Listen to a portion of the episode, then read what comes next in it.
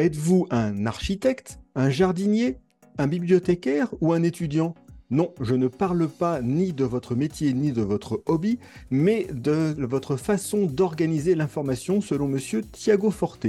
Thiago Forte, on en a parlé dans un épisode précédent, c'est l'auteur du livre et de la méthode Construire un second cerveau, et il nous propose une lecture de la façon des archétypes, de la façon de nous organiser, qui va permettre de définir aussi, éventuellement, quels outils vous pourriez utiliser correspondant à votre mode d'organisation. On y va sans plus tarder. Le premier archétype, le premier mode que Thiago Forte définit, c'est l'architecte. Comment est-ce qu'il le définit? C'est la personne qui va construire des systèmes. Il aime planifier, définir des processus, des structures, et il va avoir besoin d'un outil de prise de notes qui lui permet de structurer ses idées. Parmi les outils que Thiago Forte a pu identifier, on va retrouver des choses comme Notion ou Craft, par exemple.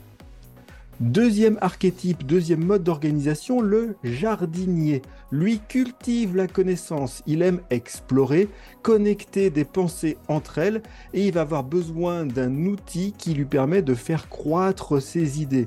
On est sur la vague des outils qui font des liens entre les différentes informations comme Obsidian ou Rome troisième archétype après l'architecte et le jardinier, le bibliothécaire.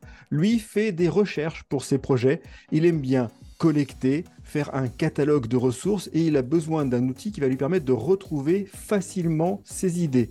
Dans ce contexte, Evernote et OneNote sont, selon Thiago Forte, les outils les mieux indiqués. Et enfin, on a un quatrième type qu'il met un petit peu à côté. Euh, il le considère que c'est un archétype un petit peu différent, mais qui a son importance dans le contexte de la prise de notes. Euh, ce qu'il va appeler l'étudiant. Euh, qui n'est pas lié ni à une classe d'âge ni à une fonction, mais bien à la façon de fonctionner. Et donc il dit qu'il acquiert de la connaissance. C'est une personne qui va prendre des notes pour un usage spécifique, qui va faire beaucoup de choses travailler sur différentes priorités, mais qui à un moment donné a quand même besoin de retrouver ces informations. Et typiquement, il va pointer sur des applications comme Apple Note ou Google Keep. Donc on le voit, quatre archétypes euh, très intéressants dans la façon à la fois la relation que nous avons au contenu que nous allons capturer et utiliser, et aussi aux applications que nous allons utiliser. Bien évidemment, ce n'est qu'une vision, c'est la proposition de Thiago Forte. Vous pouvez avoir d'autres envies. Comme je dis toujours sur le choix d'une application, ce qui va compter le plus, c'est votre cahier des charges, de quoi vous avez besoin, et est-ce que l'application correspond à vos besoins en termes de fonctionnalité, de prix, etc. Tous les éléments qu'il peut y avoir. Néanmoins, dans l'approche de Thiago Forte, on a ces quatre archétypes, l'architecte, le jardinier, le bibliothécaire et l'étudiant.